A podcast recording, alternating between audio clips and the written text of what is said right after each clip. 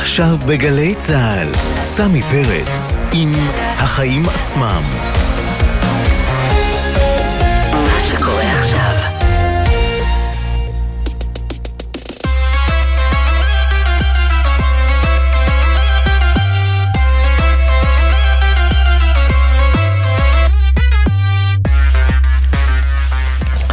ערב טוב למאזיני גלי צה"ל, אתם על החיים עצמם, התוכנית הכלכלית-חברתית היומית שלנו, באולפן סמי פרץ. היום ללא עמית תומר שנפלה למשכב, נקווה שתחזור אלינו מהר. אנחנו עם היום השישי למלחמת רוסיה-אוקראינה. הסנקציות של המערב על רוסיה נמשכות וכעת מצטרפות אליו גם חברות אנרגיה ענקיות כמו בריטיש פטרוליום ושל, שמחסלות את השקעותיהן ברוסיה, ואליהן עשויות להצטרף חברות נוספות. אה, נברר כאן כיצד זה ישפיע על שוק האנרגיה העולמי, עמית מור, מנכ"ל אקו אנרג'י. הסנקציות על הבנקים הרוסים והניתוק החלקי שלהם ממערכת התשלומים הבינלאומית, הסוויפט, דוחק את הרוסים לחפש חלופות, ואחת מהן היא שוק הקריפטו. האם זו דרך מוצלחת להימלט מצעדי הענישה של המערב? נברר גם את זה עם דניאל ליאון, מייסד שותף בחברת צלזיוס בישראל. אצלנו השווקים עדיין לא יודעים איך לאכול את המשבר הזה, אך בשוק המשכנתאות העסקים משגשגים כרגיל. בנק מזרחי טפחות, גדול הבנקים למשכנתאות, סיים את שנת 2021 עם רווחי שיא של 3 מיליארד ו-200 מיליון שקלים. כמה זמן עוד uh, תימשך החגיגה הזאת? נברר עם אלון גלאזר, סמנכ"ל לידר שוקי הון. נהיה גם עם ראש עיריית תל אביב, רון חולדאי, שהחליט לסבסד את מחירי הצהרונים בשיעור של 25 עד 40 אחוזים, ובכך אולי להפחית את יוקר המחיה בעיר היקרה בעולם. ויש עוד עסקת ענק בשוק ההייטק הישראלי, חברת הפינטק פינארו נמכרה לענקית הסליקה והתשלומים האמריקאית שיפט פור תמורת 575 מיליון דולר. יגאל רותם, שהוא מנכ"ל החברה, יהיה איתנו ונשאל אותו איך מגיעים לשווי כזה. ומהיום יופיעו על מסך הטלוויזיה שלנו סימן מיוחד בכל תוכנית שבה יוצג תוכן מסחרי. מה זה יעשה למסך? גם בזה נעסוק. מתחילים.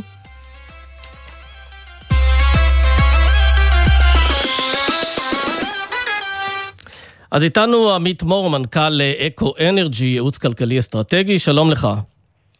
שלום סמי. גם אה, מרצה בכיר באוניברסיטת אה, רייכמן. תשמע, הסנקציות של הברית והאיחוד האירופי על רוסיה עד עכשיו התמקדו במערכת הבנקאות, בהייטק, באוליגרכים שמקורבים לפוטין, אבל כעת נראה שהמערכת, המערכה הזו בעצם מתרחבת גם לשוק האנרגיה. גם שמענו שבריטיש פטרוליום ושל הודיעו על חיסול ההשקעות שלהם, עוד חברות עשויות להצטרף. והשאלה היא מהי המשמעות של הצעדים האלה לשוק האנרגיה הרוסי ולשוק העולמי. אמ, אכן, אז באמת ביפי אה, שמחזיקה ב-20% מחברת הנפט הגדולה רוזנפט הודיעה שהיא מוכרת את החזקתה ואחריה הלכו גם חברות נוספות, אה, הזכרת את של ואקסון מוביל צריכה לשקול את צעדיה, חברות מערביות נוספות. אז בשלב ראשון אה, אין לזה השפעה מיידית על מערכת הפקה וייצוא הנפט והגז מרוסיה. אבל זה מצטרף לשרשרת של צעדים שציינת קודם, כולנו עוקבים בימים האחרונים, אה, של אה, סנקציות אה, כלכליות מאוד מאוד חמורות על רוסיה שכבר משפיעות גם בשווקי ההון, גם לפיחות חד מאוד של עשרות אחוזים של המטבע והעלאה דרמטית של הריבית מ-9 ל-20 אחוז ואלפי אנשים שצובעים על הבנקומטים ברוסיה, כלומר תוך כמה ימים אנחנו, הציבור, גם הרוסיה, פשוט מתחיל להרגיש את הסנקציות, אמנם לא חסר מזון ומוצרים עדיין בחנויות, אבל זה בהחלט אה, ישפיע. כך שאין ספק שהצעדים האלה הם, אה, הם צעדים שמצביעים לפוטין ויתר הסקטור העסקי ברוסיה, ראו זו הצבעת אי אמון של חברות האנרגיה הענקיות, שדבר שיוביל בהמשך להפחתה, אה, צמצום דרסטי בהשקעות של החברות הזרות אה, ברוסיה עצמה. אז זהו, זה מצד אחד נראה כמו צעד מאוד ערכי מצידן של אה, ענקיות האנרגיה, שחושבות על אזרחי אוקראינה, אולי מזדהות איתן, אבל מצד שני, אולי הן גם מרוויחות מכך שמחיר הנפט מזנק, שהחברות הרוסיות בצרות, אה, בנסיבות האלה הן בעצם יכולות גם להגדיל את ההכנסות. זה נכון. ראשית, אה, כל אחד מאיתנו כבר משלם מה שאני קורא לו מס פוטין. לא מס פוטין, זה קנס פוטין. החל מהיום, כל אחד מאיתנו משלם 35-34 אגורות לליטר, קנס שפוטין הטיל עלינו. מחיר כלומר, הדלק שעלה מחצות, מחיר כן. הדלק שעלה מחצות, כלומר כל מכל שכל אחד מאיתנו ממלא בממוצע 15 עד 20 שקל, קנס שפוטין הטיל עלינו ועל כל המתדלקים בעולם. אז זה לפני שהוא בכלל החל להשתמש במה שאני קורא לו נשק יום הדין הכלכלי שהוא יכול להשתמש בו, שזה צמצום או הפסקת הזרמת הנפט והגז הטבעי, ויש הבדל חד בין שניהם, הנפט זה לשווקים הבינלאומיים והגז זה לאירופה.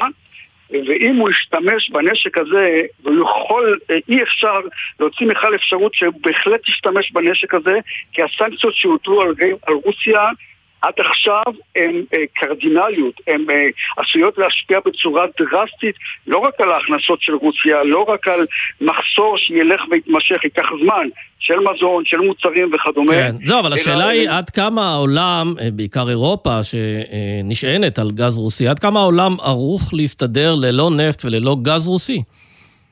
אז בואו נבדיל בין הנפט לגז. אם נכון להיום אה, ביידן ביום חמישי בערב הכריז שהוא מחריג את אה, אה, יבוא הנפט והגז וגם אירופה הכריזה על כך מהסנקציות. כלומר, לא רוצים להשפיע ולהרע את מצב הכלכלי העולמי. אבל אגב, אם... אבל בכך הוא גם חושף את הבטן הרכה של מטילי הסנקציות. בדיוק כך. עכשיו, אם פוטין יאמר, הטלתם עליי סנקציות, עליי, על רוסיה סנקציות מאוד מאוד חמורות, אני משתמש בנשק יום הדין. לא העובדה שהוא הודיע על העלאת אה, דרגת הכוננות הגרעינית בנשק יום הדין האמיתי, אבל נשק יום הדין הכלכלי שלו, כלומר מצמצם, הוא לא צריך להפסיק.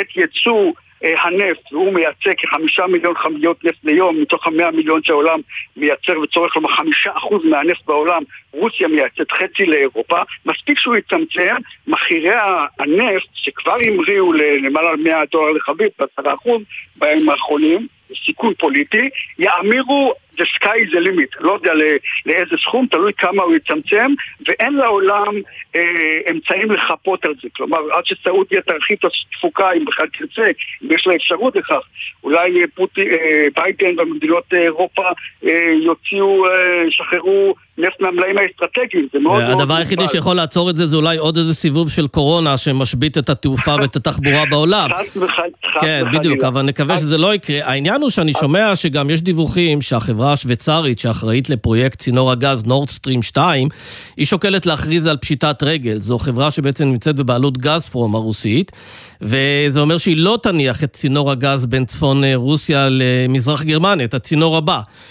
אה, כמה נכון. אירופה יכולה לתת פתרונות אה, מהירים לעובדה שאין יותר גז רוסי? אז ראשית, הצינור לגז נורדסטרים 2, הים הבלטי כבר הונח, הוא כבר הושלם, אבל אירופה, אה, בעקבות הסנקציות שהוצאו ב-2014, אה, לא נתנה את האישורים הרגולטוריים, גרמניה ואירופה, לחבר אותו. עכשיו אכן דווח מה שציינת כרגע, שהחברה שהניחה אותו, חברת בת של גזפרום, עומדת לפשוט את הרגל. כי השקיעו מיליארדי דולרים, קרוב ל-20 משהו מיליארד דולר, והצינור לא מחובר. ולשאלתך, נכון להיום הרוסים לא צמצמו, הם צמצמו עוד באוקטובר את אספקת הגז לאירופה, דבר שיצר, באמת אה, יש היום משבר אנרגיה בינלאומי שדי חולף מעלינו, בעיקר במחירי החשמל שם שעלו באירופה בין 30 ל-50 אחוז, לא יאומן ממש, יש מחסור בגז. אם הם יצמצמו יותר את אספקת הגז לאירופה, אזי אנשים יקפאו בבית, בחורף הקר, יהיה מחסור פיזי בחשמל, וגם מפעלים ייסגרו. כלומר, זה נשק שיכול להיות מופנה בעיקר לאירופה.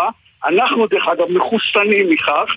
אצלנו מחירי הגז לא רק שלא עלו, הם גם ירדו. יש לנו עודף של גז, ואנחנו גם מייצאים גז לירדן ולמצרים.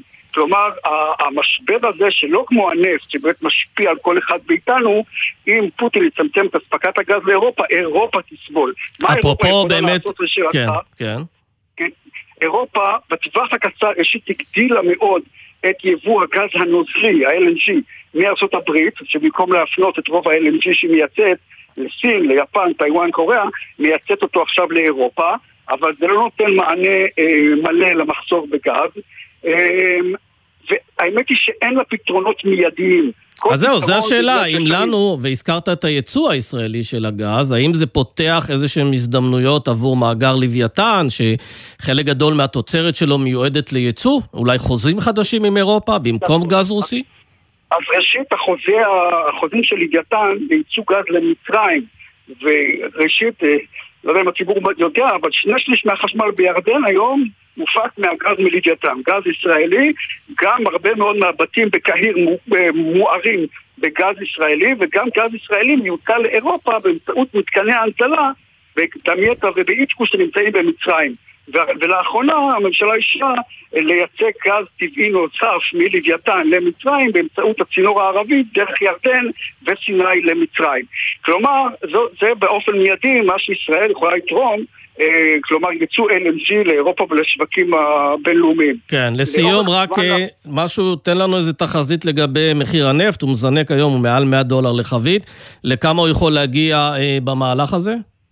תשאל את פוטין. אנחנו, אני לא פסיכולוג שלו, ובאמת אנחנו לא יודעים מה יקרה. אם הוא ישתמש ואם יירגע המצב בשבועות הקרובים, ימצאו איזשהו הסדר, אז המחירים גם ירדו. אבל כן. אם המצב ישלים והוא ישתמש בנשק יום הדין, כפי שדיברנו קודם, לצמצם את אספקת הנפט, אז אה, אני לא יודע מה יהיה הגבול של אה, מחיר החבית. כן. אנחנו כולנו ניפגש בעוד חודש ונראה לאן המחירים יגלגלו ומה יהיה מחיר הדלק בישראל. בהחלט. את פוטין לא יודע אם נספיק לשאול בשעה הקרובה, בכל זאת הוא גם קצת עסוק. עמית מור, מנכ"ל אקו אנרג'י, תודה רבה. תודה רבה.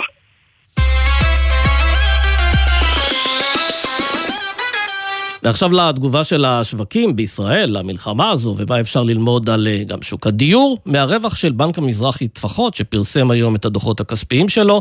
שלום לאלון אה, גלזר, סמנכ"ל לידר שוקי הון. היי, סמי. אז תכף נדבר על ההשפעות של המלחמה באוקראינה, על השווקים, אבל אני רוצה להתחיל דווקא עם בנק מזרחי טפחות, רווח של 3 מיליארד ו-200 מיליון שקלים, הרווח הגדול בתולדותיו, אנחנו יודעים שזה הבנק הגדול בתחום המשכנתאות, ואנחנו גם יודעים שהיה טירוף משכנתאות בשנה האחרונה, אז זה כל הסיפור? טירוף משכנתאות שמחלחל לדוחות הכספיים של הבנק? אמ, אי אפשר לקחת מבנק מזרחי עוד דברים טובים שהוא עשה. כלומר, בנק מזרחי מצליח להציג בשנים האחרונות את התשואה על ההון הגבוהה במערכת. כלומר, אולי הבנקים, שני הבנקים הגדולים מרוויחים יותר ממנו בכסף, אבל מבחינת תשואה על ההון, בנק מזרחי מצליח להציג בשנים האחרונות תוצאות מצוינות. הרבה בזכות המשכנתאות, כלומר, הבנק אולי לקח איזשהו הימור לפני כבר די הרבה שנים אה, להיות מאוד חזק בתחום המשכנתאות, והוא ממשיך להוביל את התחום הזה, אבל גם בזכות הפעילות הבנקאית הרגילה ובזכות מהלכי התייעלות שהבנק ביצע, בנק מזרחי מנוהל מצוין וגם נהנה ממה שקורה בשוק המשכנתאות כאשר השנה האחרונה היא בעצם גם קצת תמונת ראי למה שקרה ב-2020. ב-2020 הבנקים הרוויחו הרבה פחות, הם ביצעו הפרשה מאוד גדולה בגין החשש שנראה אה, הפסדים עצומים בגין הקורונה, זה כבר, אתה יודע, היום עם פוטין אנחנו כבר ממש לא זוכרים את הקורונה, אבל אה, פחדנו נורא שנראה הפסדים גדולים ולמדנו ששוק הדיור רק ממשיך לעלות והבנקים באמת... אה, אה, כמעט לא אה, ביצעו שום הפסדי אשראי. אז זהו, זה העניין, הרי. קוראים למשבר הקורונה משבר של פעם במאה שנה, והיינו מצפים שהבנקים יספגו אה, הפסדים גדולים, אבל מצבם באמת נראה כאילו מעולם לא היה טוב יותר, והשאלה אם זה בגלל שמנהלי הבנקים גאונים, או שפשוט בנק ישראל והממשלה, שהזרימו סיוע מסיבי, סידרו להם את הדוחות רווח והפסד. אז אני חושב שזה גם, כלומר, לא גם וגם, כלומר, אין פה שום גאונות גדולה, כלומר, באמת המצב של, גם של, אה, של הכלכלה המקומית וגם של האזרחים לא הורע בשנת הקורונה, כלומר, בסופו של דבר מה שקרה, שקצת מענקים מהממשלה וחיסכון בהוצאות, גם כי לא היה לנו איך לצאת מהבית ומה לעשות, ואיך, ולא נסענו לחו"ל, והמשך הזינוק בשוק הדיור, המשך עליית המחירים, כל אלה הפכו את השנה לשנה ממש טובה לבנקים. כלומר, שנה שבה ראינו, אה, כמעט לא ראינו שום פגיעה בפעילות הבנקאית, לא ראינו שום פגיעה בלווים במשקי הבית, ולכן הבנקים המשיכו לעשות נהדר, כששוק הדיור שממשיך לעלות, זה יותר משכנתאות, משכנתאות יותר גדולות, כלומר גם המשכנתאות נעשו יותר גדולות בכסף, וכאמור, המשכנתאות ממשיכות להיות בלי, הסיכונים לא מתממשים, ואז אנחנו בעצם במצב של צמיחה בפעילות, עם משכנתאות יותר גדולות, עם אפס סיכון, כלומר סיכון שלא מתממש, והתוצאה היא נהדרת לבנקים. כן, טוב, אז הבנקים באמת מחוסנים מהקורונה הזו, אבל אה, השאלה אם הם, השווקים בישראל מחוסנים מהמלחמה באוקראינה. אה, היינו מצפים, אה, אפרופו כל העיסוק התקשורתי, החדשותי, בכל העולם, העולם בעצם במלחמה הזו, היינו מצפים לירידות חדות יותר בבורסה, לא?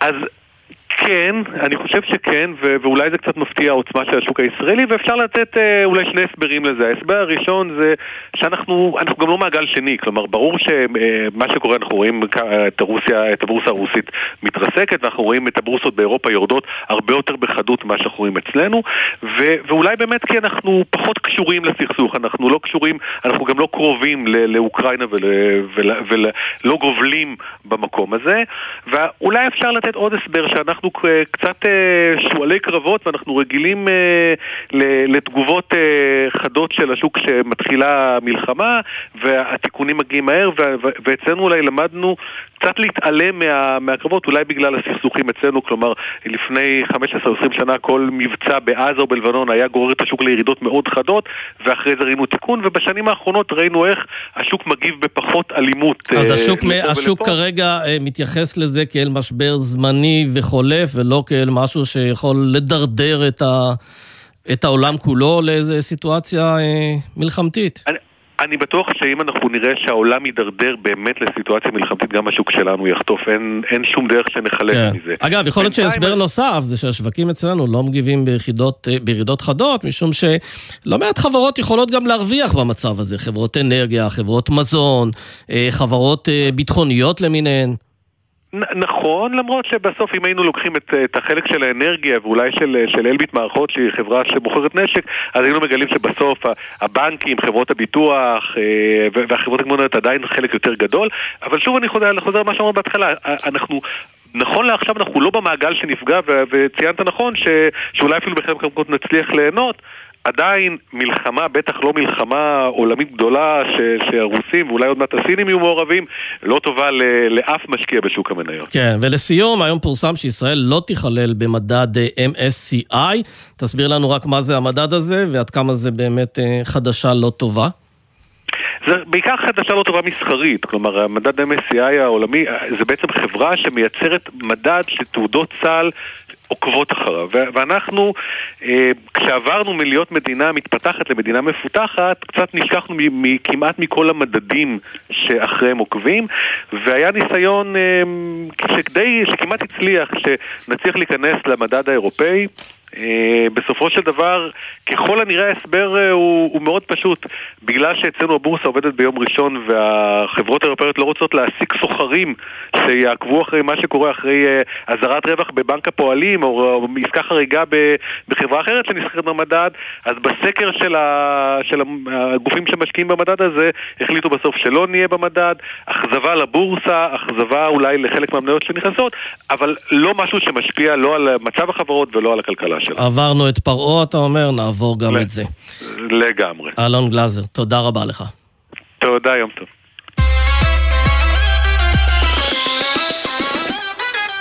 אז הביטקוין אה, מזנק היום ל-44 אלף אה, דולר, אחרי שהוא היה כבר ב- רק לפני כמה ימים ב-34 אלף דולרים, ואנחנו מנסים להבין עד כמה השוק הזה מושפע אה, בעצם מהמלחמה באוקראינה, האם הוא בעצם האלטרנטיבה לשווקים הממוסדים שבהם גם שם בעצם מתנהלת מלחמה וסנקציות. אנחנו עם דניאל ליאון, מייסד שותף של חברת צלזיוס בישראל. שלום לך. דניאל? אהלן, ערב טוב. ערב טוב. אז uh, אתה uh, מייסד שותף בחברת קריפטו בשם uh, צלזיוס. אנחנו מנסים להבין האם המגבלות שמטיל המערב על רוסיה ועל בנקים רוסיים, uh, יגרום להם לחפש אלטרנטיבות כדי לשלם או כדי לגייס כסף, בזמן שהערוצים הממוסדים סגורים בפניהם. ויש כבר לא מעט הערכות שהם יפנו לשוק של המטבעות הקריפטוגרפיים, הביטקוין, איתריום. והשאלה האם אפשר בכלל לנהל פעילות כלכלית משמעותית דרך המטבעות האלה. שאלה נהדרת. אם שואלים את האנשים שמשקיעים ונמצאים היום בקריפטו, התשובה היא כן. שהרוסים אכן יחפשו ומחפשים אלטרנטיבות, וזו גם אחת הסיבות שהשווקים האלה עולים בצורה משמעותית ביומיים האחרונים. ברגע שארצות הברית ואירופה הודיעו שהם ינתקו את רוסיה מהסוויפט, הבינו פה לפחות החשיבה אומרת, הם יצטרכו אלטרנטיבה, ואלטרנטיבה אחת זה קריפטו. הצרה היא שרוסיה זו לא כלכלה קטנה. אה, וכדי אה, להשתמש היום בקריפטו, כדי, איך אומרים, לסובב את הסנקציות האלה, סנקציות שכנראה יגבילו אותם, את רוסיה להשתמש בקרוב ל-600 מיליארד, 600 אה, מיליארד דולר, זה יהיה מאוד קשה. השוק הקריפטו הוא שוק עדיין בחיתולים, עדיין שוק קטן, וכל ניסיון כזה או אחר של רוסיה א', אפשר לנטר אותו, ואז ממשלות כאלה ואחרות יכולות גם להגביל את זה, יהיה להם מאוד מאוד קשה בשוק, בשוק הקריפטו הנוכחי להשתמש בו בתור אלטרנטיבה לסנקציות. אז זהו, השאלה אם אה, רוסיה אכן תשתמש בזה כדי לעקוף את המגבלות, אני מניח שזה יאיץ את הצורך של מדינות, של בנקים מרכזיים, להסדיר את שוק הקריפטו. זה אומר יותר פיקוח, יותר בקרה, יותר שקיפות. והשאלה אם זה טוב לשוק, או שהכוח שלו דווקא בכך שהוא מבוזר ולא ממש מפוקח. זה מצוין לשוק. יש משהו שחברה כמו צלזיוס אה, מבקשת גם ממדינת ישראל, אבל בכל העולם חברות כמו שלנו מבקשים בהירות רגולטורית. כי רק בהירות מהסוג הזה תאפשר לשוק הזה באמת להגיע למסות של האנשים ולא להישאר אה, סביב הספקולנטים שרובם היום נמצאים בשוק הזה. אנחנו חייבים וצריכים רגולציה ומקווים שאולי ההזדמנות הזאת גם תכניס תביא את הרגולציה לשלב מתקדם יותר. אז זהו, אז לא עד עכשיו דיברנו על המעקפים שרוסיה אולי תעשה למגבלות, אבל בעצם גם אוקראינה נמצאת, אה, כמובן, נמצאת בצרות. נכון. והיא הודיעה בשבוע שעבר שהיא לא, לא תוכל לקבל תרומות במטבעות קריפטו בגלל כל מיני קשיים חוקיים, אבל לאחר כמה ימים אה, נכון. החליטו גם לפתוח את החזית הזו, ויש אה, כתובות של ארנקים נכון. דיגיטליים שאפשר נכון. להעביר אליהם תרומות, והתגובה הייתה מהירה, מה ראינו שם? ראינו שם, אה, תראה, החברה שלי היא אחת מהחברות שבאמת אה, פתחנו כתובות ואנחנו מאפשרים ללקוחות שלנו, קרוב ל-1.4 מיליון לקוחות בכל העולם, אה, לתרום ולעזור לאזרחים של אוקראינה שנמצאים במצב שהם נמצאים היום ואנחנו רואים, אנחנו פתחנו את הכתובות האלה לפני 36 שעות give and take וכבר רואים עשרות אלפי דולרים שזורמים לאותן כתובות. אתה יודע מי התורמים? תורמים מישראל? תורמים מכל מיני מקומות? מכל העולם. מכל העולם. בקהילה שלנו אנחנו פעילים בקרוב ל-200 אה, jurisdictions, 140 פלוס מדינות, ואנחנו רואים אזרחים, לקוחות מכל העולם שפשוט תורמים. ומעבירים לנו ביטקוין ואיתר ואת המטבעות שלנו בתקווה שאנחנו כמובן נעביר את זה הלאה, וזה בדיוק מה שאנחנו נעשה. כן, זהו, וזה, אתה יודע, מעלה את השאלה, איך המטבעות הקריפטוגרפיים מסיימים את האירוע הזה? האם בתחושה שהם אה, עוקף אה, מגבלות וסנקציות, או בתחושה שהם דווקא פתרון, כשאין פתרונות אחרים ושמדינות נכנסות למצוקה? אנחנו מקווים שהמטבעות הקריפטוגרפיים, המטבעות הדיגיטליים, אה, יסיימו את ה... את האירוע הזה במצב יותר טוב, במצב הרבה יותר לגיטימי, אה, ואנחנו מקווים שבאמת נוכל כולנו אה, לנצל את ההזדמנות הממש לא נעימה הזאת כדי להראות את, ה, את היתרון ואת היתרונות שיש למטבעות דיגיטליים. כן, אני ראיתי ששר הדיגיטל של אוקראינה קרא בעצם לבורסות של הקריפטו אה, נכון. לחסום את הגישה של רוסיה לחסום בעצם למשתמשים רוסים. השאלה, נכון. זה אפשרי? זה אפשרי לבוא ולסמן את אותם גורמים לכאורה שליליים במאבק הזה ולחסום אותם? אז קודם כל זה אפשרי. אה, בורסות וחברות כמו שלנו, אנחנו כל אה, לקוח ואזרח צריך לעבור אה, תהליך שבו הוא מספק לנו תעודות זהות או פספורט לפני שאנחנו יכולים לפתוח חשבונות. ואם וכאשר חברה כמו צלזיוס, כמו ששמעתי כמה בורסאות אה, שקיבלו לאחרונה אה, מכתבים מרגולטור וממדינות לסגור חשבונות, אז אפשר אכן לסגור את החשבונות האלה או להקפיא אותם לפחות. כן, למרות שמי ש... מי שמייצג את בורסות הקריפטו, אה, לא, לא ממהר לעשות את הדבר הזה, לא מתלהב גם לעשות את זה, כי אה, הרי הכוח של אותם מטבעות קריפטוגרפיים זה באמת שאין להם צבע ואין להם ריח ואין להם מדינה, וזה מבוזר, וזה דמוקרטי, ומה לא, אבל כנראה גם מקום שבו אפשר לעשות הרבה מאוד שימוש לרעה ב... בערכים האלה. אפשר לעשות שימוש לרעה ועושים שימוש לרעה גם בכסף מזומן. ואני יכול להגיד לך שבורסות וחברות כמו צלזיוס שירצו את הלגיטימציה וירצו לספק שירותים לעשרות מיליוני אנשים, יצטרכו לפעול לפי החוק. כן. יפה, דניאל ליאון, מייסד שותף של חברת אה, צלזיוס, תודה רבה לך. תודה רבה לכם, ערב טוב.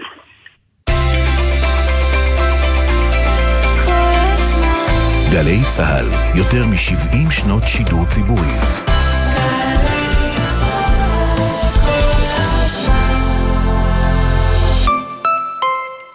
וואו, יוסי, איזה מורה דרך נהדר היה לנו היום, נכון? לקח אותנו לכל המקומות של הלוקלס. את זוכרת שאנחנו בארץ, כן? בואו עם כל המשפחה והחברים לסיור חינם עם מורה דרך שייקח אתכם לכל המקומות שרק המקומיים מכירים. משרד התיירות מזמין אתכם לגלות את ישראל היפה וליהנות ממגוון סיורים ודרכים חינם בערים ובאתרי הטבע. הביקור בחלק מאתרי הטבע כרוך בדמי כניסה. היכנסו עכשיו ל-i-israel.co.il ובחרו סיור חווייתי עם מורה דרך חינם. משרד התיירות מהביאנלה בוונציה לתל אביב, השקת בכורה בישראל, בית חולים שדה איקס, עכשיו במוזה, מוזיאון ארץ ישראל תל אביב. יש להזמין תור מראש באתר המוזיאון. זירות תרבות בירושלים. אתם מוזמנים לסוף שבוע של תרבות ואירועים בירושלים. ישראל אהרוני והילה אלפרט בזירת אומנות הבישול. להקת ורטיגו ורוני סומק בזירת מחול ושירה. אהוד בנאי וג'יש בזירת מוסיקה דו-לשונית. זירה רב-תחומית של אופרה, מוסיקה, מחול ואומנות רחוב. ועוד עשרות מופעים מגוונים למזמינים חבילות לינה בחודשים פברואר ומרס בירושלים. עוד פרטים באתר iTravelJerusalem.com להתרגש בחורף הירושלמי.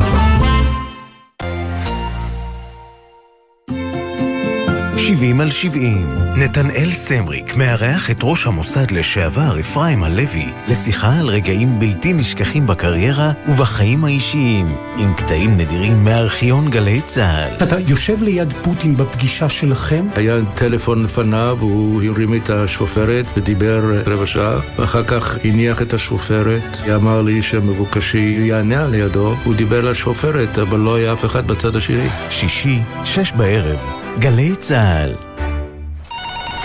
עובדיה ספי? זה אני. שלום, מדברת נועה מגלי צה"ל. רציתי לאחל לך הצלחה בתוכנית החדשה. זה ממש מרגש לראות אותך פה שוב. תודה, תודה רבה. גם אני מאוד מתרגש. יופי, כי רשום לי פה שאתה חתום על כבל למיקרופון שלא החזרת, אז כשאתה מגיע בשישה במרס, אל תשכח להביא אותו חזרה. אחרת תעלה מט"ש. מה? משפט צבאי. טלי מורנו וספי עובדיה חוזרים לגלי צה"ל. תוכנית אקטואליה חדשה, ראשון עד רביעי, בקרוב בגלי צה"ל.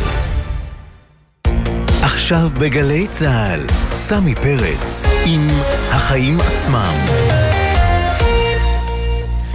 הודעה מעניינת של עיריית תל אביב, היא החליטה לסבסד את הצהרונים לתושבי העיר, למשפחות צעירות, אה, והשאלה אה, כמה זה יעלה לעירייה, כמה כסף זה יחסוך, למה דווקא צהרונים, ואולי הכי כדאי להפנות את השאלות האלה לראש עיריית תל אביב, רון חולדאי, ערב טוב. ערב טוב. תל אביב-יפו, וזה לא רק צהרונים. אז זהו, אז מה זה עוד? אנחנו, זה צהרונים ו... משפחה עם שני ילדים, וקאנטרי למשפ... למשפחות, ומועדוני קשישים, וחוגים במרכזים קהילתיים, ובקיצור, אוסף גדול מאוד של שירותים שאנחנו נותנים בתשלום עד היום, ואנחנו החלטנו לסבסד אותם. והם מסובסדים בכל מקרה, אבל אנחנו מסבסדים עוד יותר סבסוד עמוק, כי יוקר המחיה הביא אותנו לידי מציאות שבה אנחנו לא יכולים לעמוד מנגד, וחשוב מאוד שמשפחות מעמד ביניים תוכלנה לחיות בעיר שלנו. יש גם אנשים שידם אינה משגת לכל מיני דברים שחשוב מאוד שיקבלו אותם, כי אחרת זה קובע את העתיד. כמו אבחונים לילדים, זה אלפי שקלים. יש משפחות שידן אינה משגת לתת את זה, החלטנו לתת אותם בחינם. או במאה שקלים במקום שלושת אלפים. בקיצור, להיכנס uh, להוזלת יוקר המחיה בעיר בעידן שבו לדאבוני, uh, איך אומרים, הוכרזנו כעיר היקרה בעולם. אז זהו, זו השאלה, מדוע אתם ממקדים את ההטבות דווקא בזוגות צעירים והורים לילדים קטנים? האם זה בעצם בגלל שהחשש שלכם שזו אוכלוסייה שהיא הכי מועדת לברוח מתל אביב בגלל יוקר המחיה הגבוה? לא, אנחנו גם נותנים את ההנחות דווקא באזורים מוחלשים כמו יפו ודרום העיר ובדברים שאינם דווקא קשורים למעמד הביניים. אנחנו חושבים, רוצים לתת את זה לאלה שנושאים בנטל גדול מאוד ובעיקר בנושאים שנקרא חינוך, חוגים, בריחות, כל הדברים הגדולים האלה שעולים הרבה מאוד כסף ועל ידי הוזלתם נאפשר למשפחות להישאר פה בעיר שלנו. אז כמה זה יחסוך? אנחנו, אנחנו נחסוך, אנחנו הולכים להוריד ב-50% את המועדוני קשישים, תשלום במועדוני קשישים בעיר תל אביב-יפו. זאת אומרת, אנחנו נוגעים באוכלוסיות שונות, להוזל, מה, בפירוש לייצר מציאות של הוזלת יוקר המחיה של משפחה, משפחה עם שני ילדים יכולה להגיע במקרים מסוימים להנחה של הנחות של עשרת אלפים שקל בשנה. סכום באמת גדול, כמה זה עולה התענוג הזה לקופת העירייה, והאם זו פריבילגיה רק של אה, ערים עשירות כמו תל אביב? אז אה, זה הסיפור, אה, כן, מצד אחד אתה אומר לי עיר עשירה ומצד שני אתה אומר לי אנשים אינם יכולים לחיות בעיר תל אביב עקב יוקר המחיה. אז אני צריך לטפל בבעיה משני הצדדים. וכדי לטפל בנושא יוקר המחיה הדרך היחידה היא לתת הנחות לאנשים. לאפשר את החיים שלהם בצורה יותר זולה מאחר ואין לנו השפעה על מחירי הטואלטיקה, הירקות והמזון בכלל ומכשירי החשמל, שזה בעיקר עיקר הדברים. בנושא הדיור ההשפעה שלנו מאוד מאוד נמוכה. מי שקובעת מחירי הדיור זה מדינת ישראל, שיווק קרקעות, מדיניות משרד השיכון וכן הלאה. ולמרות שאנחנו עושים הרבה מאוד דיור בר השגה יחסית לערים אחרות, אולי העיר היחידה שעוסקת בנושא של דיור בר השגה כדי לאפשר למורה לאחות ושוטר לחיות בעיר שלנו, אפילו עשינו בית המורה, בית מיוחד עם 70 יחידות דיור אך ורק למורים, כדי שהם יחיו פה, מפני שמורים מתקשים להגיע לעיר הזאת מכל מיני סיבות. אז לכן אנחנו עוסקים בהרבה מאוד היבטים, אבל פה אנחנו יכולים לעשות משהו שהוא בפירוש הנחה ישירה, שווי כסף בסכומים מאוד מאוד נכבדים לאוכלוסיות שמתקשות בתקופת חייהן. אז זהו, אז בשני העשורים האחרונים, וקשה לפספס את זה, את קו הרקיע של תל אביב, העיר הפכה לאיזה עיר מגדלים.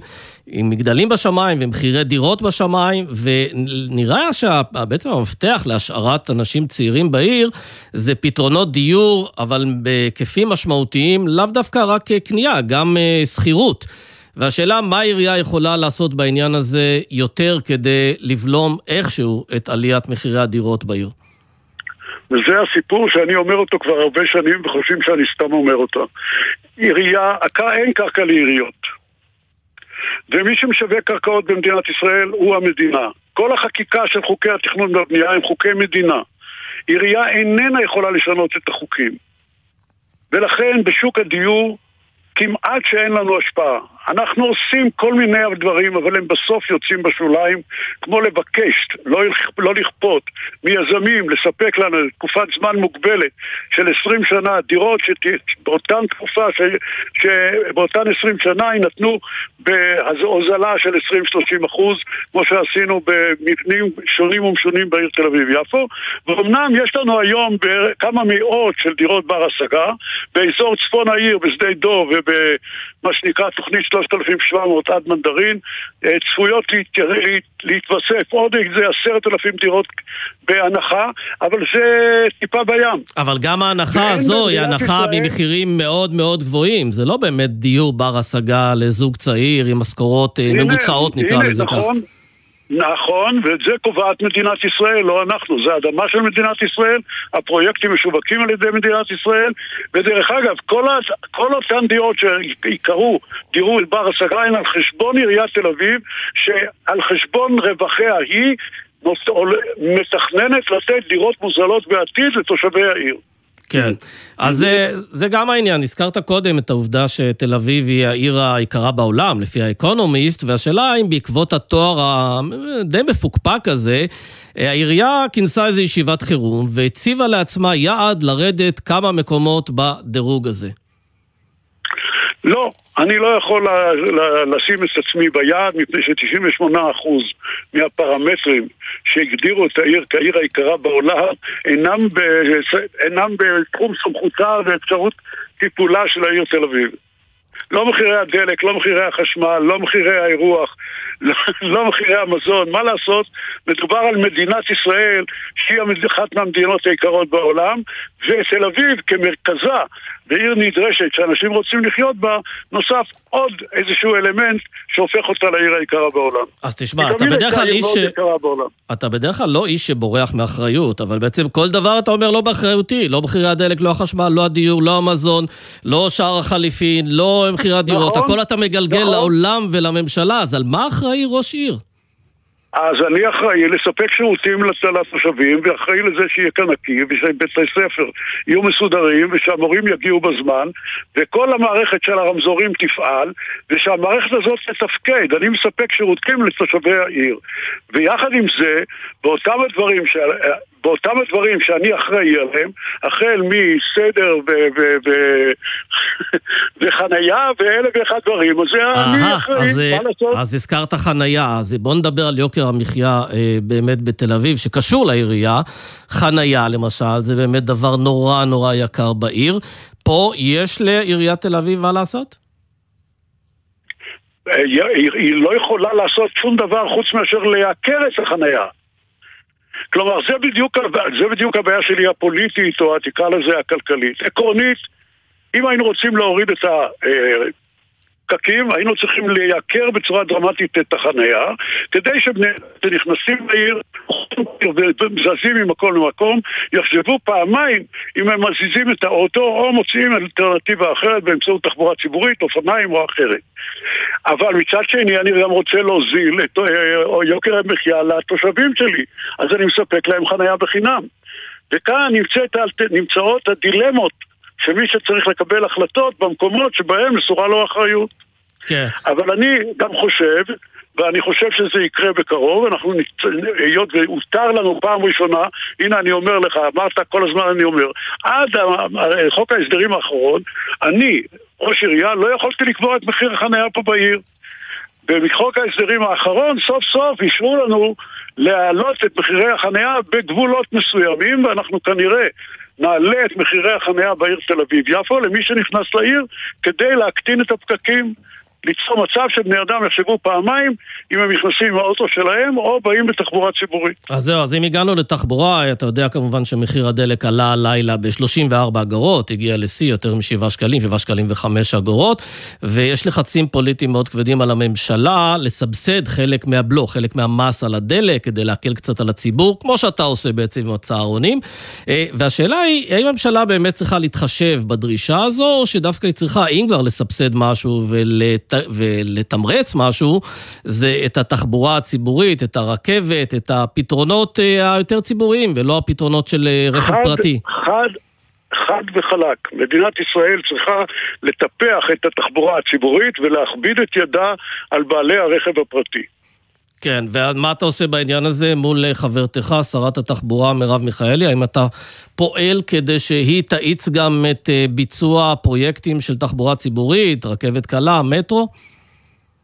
כרגע כן, אני פועל, אבל אני, איך אומרים, קשה לבוא בטענות לשרה שנכנסה זה עתה לתפקידה וקיבלה מערכת הרוסה עם בעיות של איוש ומקצוענות ועוד אלף ואחד דברים.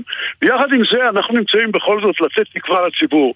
בסוף השנה הזאת יסתיים הקו האדום של הרכבת הקלה מבת ים לפתח תקווה וייתן אה, אפשרות להסיע 250 אלף נוסעים ביום. זה דבר דרמטי מבחינת העיר הזאת בעוד שש-שבע שנים יהיו לנו עוד שני קווים.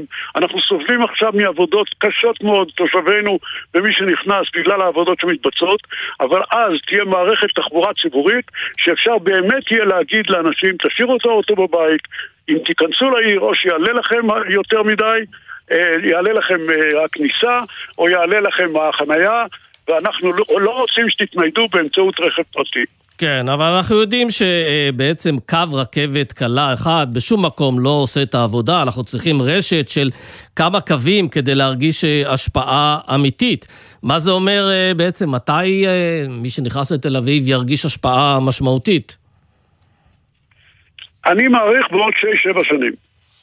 עוד 6-7 שנים. כלומר, עד אז... בעוד 6-7 שנים יהיו לנו שלושה קווי אה, רכבת קלה, שיאפשרו בעצם, בתוך תל אביב יהיו 60 תחנות רכבת קלה. כלומר, בטווחים של 300 מטר מכל תחנה ניתן יהיה להגיע בעיר בלי רכב.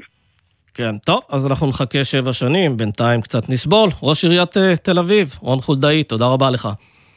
תודה לך, סמי.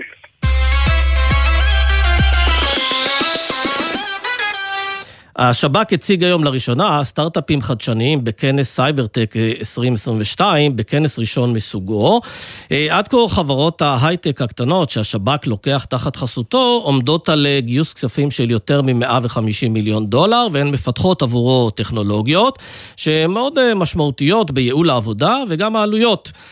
כתבתנו לענייני טכנולוגיה עומר עזרן פגשה את האנשים מאחורי החברות הקטנות שמשנות את העתיד. המציאות לימדה אותנו שכל פיתוח טוב בהייטק מתחיל במחסן, הגראז'. בשב"כ לקחו את זה צעד אחד קדימה והקימו מיזם בשם הגראז' בו הם מעסיקים חברות הייטק שמפתחות טכנולוגיות שמטרתן לייעל את השב"כ. ערן פרג, שותף ומנכ"ל בחברת אסיו, מספר על הפיתוח שבזכותו חברות עשויות לחסוך 50 מיליון דולר בשנה. אסיו מפתחת טכנולוגיה מוגנת פטנט שנקראת אינטואיציה מלאכותית. טכנולוגיה הזאת שמבוססת על איך שהמוח שלנו עובד, מאפשרת מיצוי של מידע ויזואלי באופן מאוד אמין ואפקטיבי. שרשרת האספקה העולמית לא עומדת בביקושים. אוניות ממתינות בטורים ארוכים בכניסה לנמלים. אסיה משתמשת בטכנולוגיה של אינטואיציה מלאכותית כדי לנטר את מה שקורה בנמלי ים, ואפילו להציע תובנות להתייעלות. השב"כ מתעסק רבות בניטור השיח הזדוני ברשת. רק לאחרונה נחשף כי פרופילים איראנים רבים מפעילים עמודים ברשתות החברתיות, בניסיון לשסות את החברה הישראלית. דן ברמי, מנכ"ל חברת סייברה, מספר על המיזם שלהם שמייעל באופן משמעותי את עבודת השב"כ בניטור השיח ברשתות. מטרתנו היא היכולת להסתכל על שיח ציבורי ברשתות חברתיות וכן הלאה, ולהבדיל בין מה אמיתי, מה זדוני ומה מזויף. הפיתוחים שלנו משפיעים הרבה מאוד גם על עבודה של ארגונים פיננסיים, ארגוני מדיה. לפי עין מהשב"כ, מתוך 33 סטארט-אפים שהשתתפו עד היום בתוכנית שהתחילה לפני ארבע שנים, 32 עדיין פעילים, ועם 18 השב"כ עדיין עובד בשיתוף פעולה. אורן, לשעבר מנהל בשירות וממייסדי הגראז', מספר על העבודה עם חברות הסטארט-אפים, השונה מהעבודה מול חברות גדולות. סטארט-אפים הם גופים שמתנהלים בצורה מאוד מאוד שונה כשמסתכלים עליהם נקודת מבט של ארגון גדול. הם רצים מאוד מאוד מהר, המשאבים שלהם מאוד דלים, הם נמצאים בסוג של איום קיומי, וכשנחשפים לעבודה עם סטארט-אפים מתוך ארגון גדול, בכלל, והשב"כ בפרט, לומדים המון על איך אפשר לעשות דברים אחרת. זוהי הפעם הראשונה שבה חושף השב"כ את השימוש שלו בפיתוחים מסוג זה, שמייעלים את עבודתו וחוסכים לו לא מעט כסף, ובעיקר, תורמים לביטחון המדינה.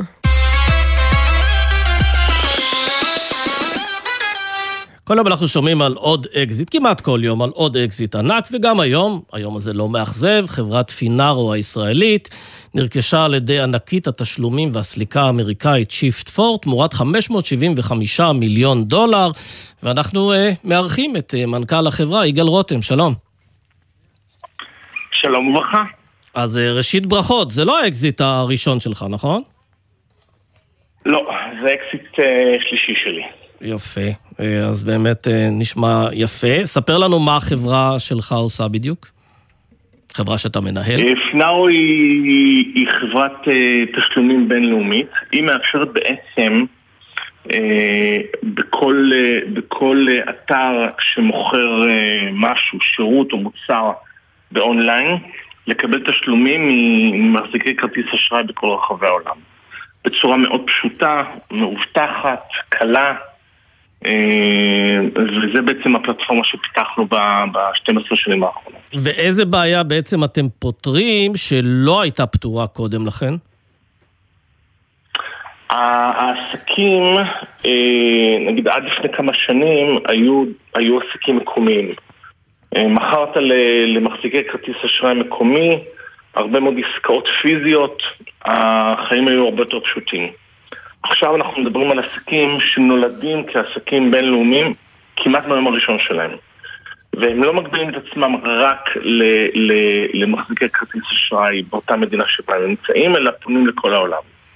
ואז הבעיה שאם, שאם אתה לא עובד עם חברה כמו פינארו, אתה תזדקק בכל מקום שתגיע אליו עוד פעם ועוד פעם ועוד פעם לעשות אינטגרציה טכנולוגית, לחתום על הסכמים, לעשות uh, טסטינג למערכות, הרבה הרבה יותר מסובך, הרבה יותר כבד, אנחנו מייעלים את כל התהליך, הופכים אותו לאוטומטי לחלוטין.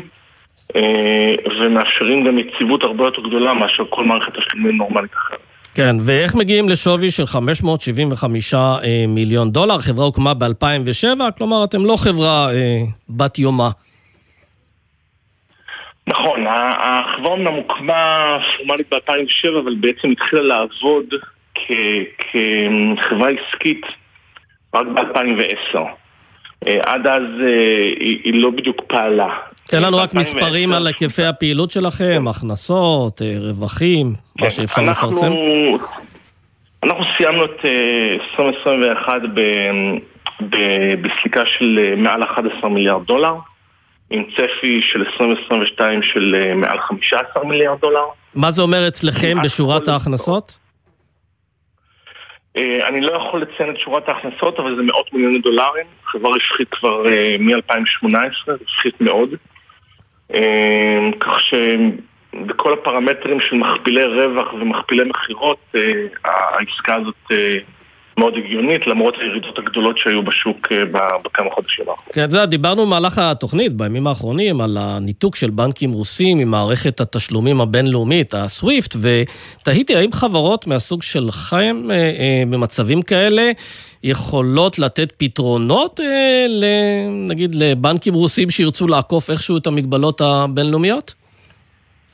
אה, אולי אה, בתיאוריה יכולות, אבל בפועל הם לא תעשה את זה. כן. הבנקים, בנקים כמונו הם רגולטורים, ואנחנו דווקא הגורם הראשון שמסוגל להגיב מאוד מאוד מהר ולפעול מהר מאוד ל... ניתוק אה, של בתי עסק רוסים או, או, או פעילות אה, ש, שמערבת בנקים רוסים, כי המערכות שלנו הן הרבה יותר אה, פשוטות לתפעול ולבקרה גם. כן, ואתם כמובן גם לא תסתבכו, ואתם גם לא תסתבכו, כי גם המשקיעים שלכם מגיעים בארצות הברית. אז אם נחזור לחברה, כמה מיליונרים חדשים נולדו אצלכם בעקבות האקזיט? אמ, אני אגיד לך ככה, בערך 20% מההחזקות בחברה אה, נמצאות אה, אצל העובדים. אז תעשו את החשבון, זה הרבה מאוד כסף, אנחנו מאוד מאוד גאים שהעובדים שעובדים איתנו כבר הרבה שנים, אה, אה, מה שנקרא, יחלקו את ההצלחה הגדולה של החברה הזאת. רגע, יש לכם משהו כמו 170 עובדים? יש לנו 175 עובדים אה, בישראל. 120 עובדים במלטה ועוד, אה, ועוד כ-100 עובדים ברחבי העולם. נו, אז תגלה לנו, כמה מתוכם יהיו מיליונרים? אה, לא מעט. לא מעט. לא מעט. יפה. לא מעט. וכדי שגם לנו יצא משהו מהאקזיט הזה, כמה מס תקבל המדינה בעקבות האקזיט? בגלל שהרבה מאוד אה, אה, מה, מהמחזיקים אה, בחברה הם ישראלים, אז uh, מס רווחי הון ישולם בארץ. Uh, העובדים uh, שמחזיקים אופציות בחברה הם uh, הרבה מאוד מהם עובדים ישראלים ואת המסים ישלמו בישראל. Uh, מדינת ישראל בהחלט uh, תצא נזכרת מהמהלך הזה. כן, ואתם נשארים לפעול פה למרות הרכישה, או שאתם מעבירים חלק מהפעילות לחו"ל? לא, ההפך. הגידול יהיה גם בחברה בישראל, גם ביתר הסאקים שלנו בעולם. החברה הרוכשת היא אמריקאית אה, והיא כמעט ללא שום נוכחות מחוץ לארה"ב. אה, אנחנו פועלים ברחבי העולם, בעיקר באירופה ובישראל, ואין לנו נוכחות אמריקאית משמעותית ולכן זו סינרגיה מושלמת אה, ולכן אני צופה גידול חד מאוד בהיקף הפעילות שלנו גם בישראל וגם באירופה. יפה, טוב, אז אחרי שלושה אקזיטים, מתי האקזיט הבא שלך, יגאל? אה, לא יודע, אפשר להוציא את היזם אה, מהיזמות, אי אפשר להוציא את היזמות מהיזם. כן, יפה. טוב, אז תודה רבה וברכות, ברכות על האקזיט. תודה רבה, תודה.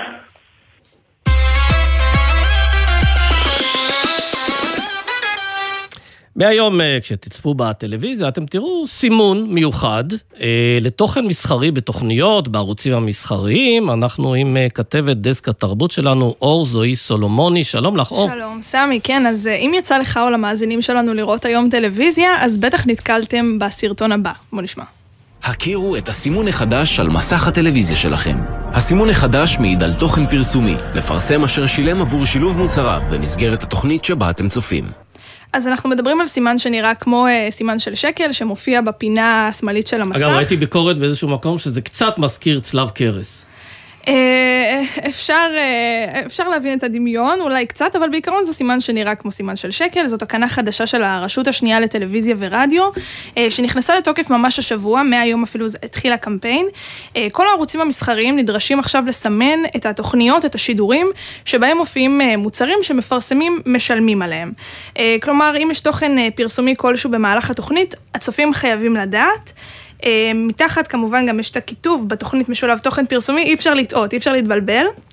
אה, היום ראינו את הסימון הזה אה, בקשת 12 למשל בתוכנית של פאולה וליאון, גם בתוכנית פותחים יום ברשת 13, שם אגב ברשת שכחו את הכיתוב מתחת, בעקבות הפנייה שלנו הם יתקנו ממחר.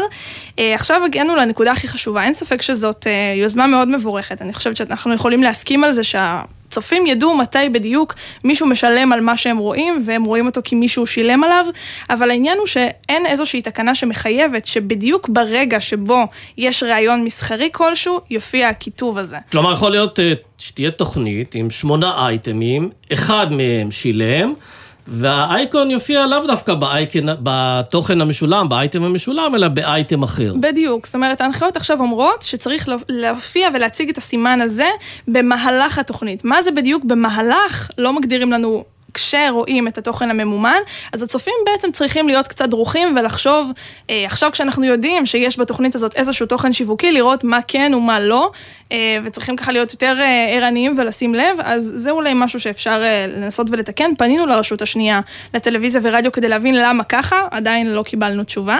אם uh, תתקבל אחת כזאת, כמובן שנעדכן. אז זהו, אז אני חושב uh... על תוכנית, נגיד אם אני מופיע באיזושהי תוכנית ואני לא שילמתי, לא הייתי רוצה שהאייקון יופיע בזמן שאני מדבר, כי אז uh, יחשבו שאני שילמתי עבור ההשתתפות שלי שם. נכון, אז אפשר אולי, אתה יודע, להתחמק מזה, לשים את האייקון הזה uh, בתחילת התוכנית, כשחוזרים מהמבזק או מהפרסמות, אבל עדיין יכול להיות באמת שיהיה איזשהו אייטם, שמישהו שילם על מוצר שמופיע בו, או על ראיון כלשהו, בכלל על הראיון עצמו. אה, ואנחנו לא נדע מזה ונצטרך לפקוח עיניים ולשים לב טוב טוב, כי לא תמיד זה קל לזהות. לא כן. תמיד רואים איזשהו סימן אה, מסחרי או איזה מוצר ממותג שמופיע נכון. על השולחן. והשאלה גם איזה גודל האייקון הזה, צריך זכוכית מגדלת כדי להבחין בו? לא, לא, רואים אותו, רואים, רואים אותו. אותו. בפינה השמאלית של המסך, הוא מתחלף אחרי כמה שניות ונעלם, אבל רואים אותו. אז זהו, כמה זמן הוא מופיע על המסך? שנייה ורבע, ואז אה, לפני שאתה מצליח להבחין בו הוא נעלם? ברגע שרואים אותו ככה צריך להספיק לקרוא, אני חושבת שבערך 3-4 שניות הוא מופיע שם, אבל בפעם הראשונה לפחות יכול להיעלם מהר למי כן, וצריך לזכור עוד משהו בתוכניות האלה, שגם אם מישהו לא משלם, זה עדיין יכול להיות פרסום חינם, אבל לזה אין עדיין אייקון, נכון? לזה עדיין אין. יפה. אור זוהי סול, סולומני, תודה רבה. תודה רבה. Uh, עד כאן, אז uh, סיימנו להיום, העורך, uh, נגיד תודה לעורך אלעזר סלוטקי, למפיקים יפעת גלר, עשאל פלד ואביתר נכון, על הביצוע הטכני שקד וולפין, בדיגיטל דניאל הראל. מחר יהיו פה שייני ואולי עמית תומר אם היא תבריא עד אז, תודה ולהתראות.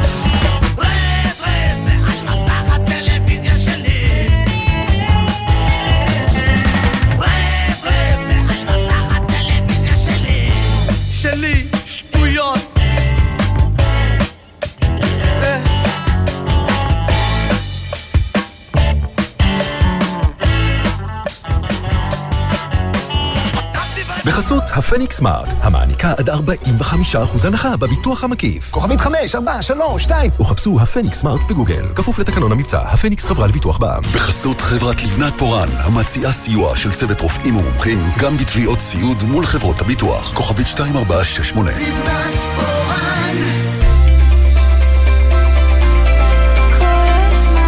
גלי צה"ל, יותר מ-70 שנות שידור ציבורי.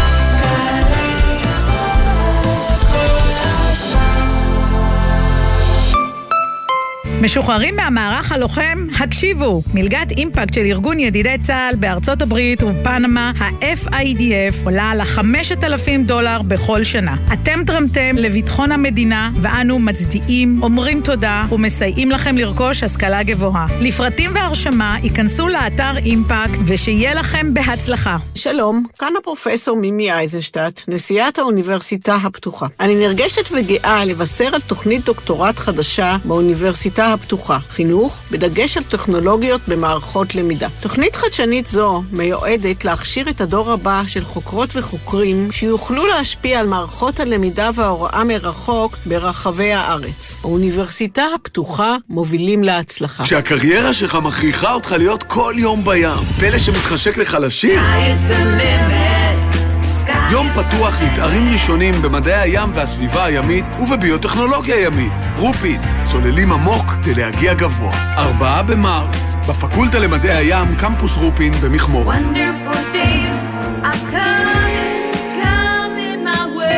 חפשו בגוגל, להגיע גבוה. במפקד האוכלוסין 2022 מחכה לכם הצעת עבודה של פעם בעשור. הלשכה המרכזית לסטטיסטיקה מחפשת עובדים ועובדות למשרת בקרת פקידת שטח בכל רחבי ארצנו. המשרות מיועדות לדוברי עברית וערבית עד סיום המפקד. לפרטים ולהגשת מועמדות חפשו ברשת מפקד האוכלוסין 2022. מפקד האוכלוסין, סופרים אתכם. חוזרים לנואבה, מסע מוזיקלי חד פעמי דרך הלהיטים הגדולים של פסטיבל נואבה עם אריאל זילבר, גיא מזיג, דורי בן זאב, יוני רכטר, רונה קינן ועוד. ניהול מוזיקלי פיטר רוט.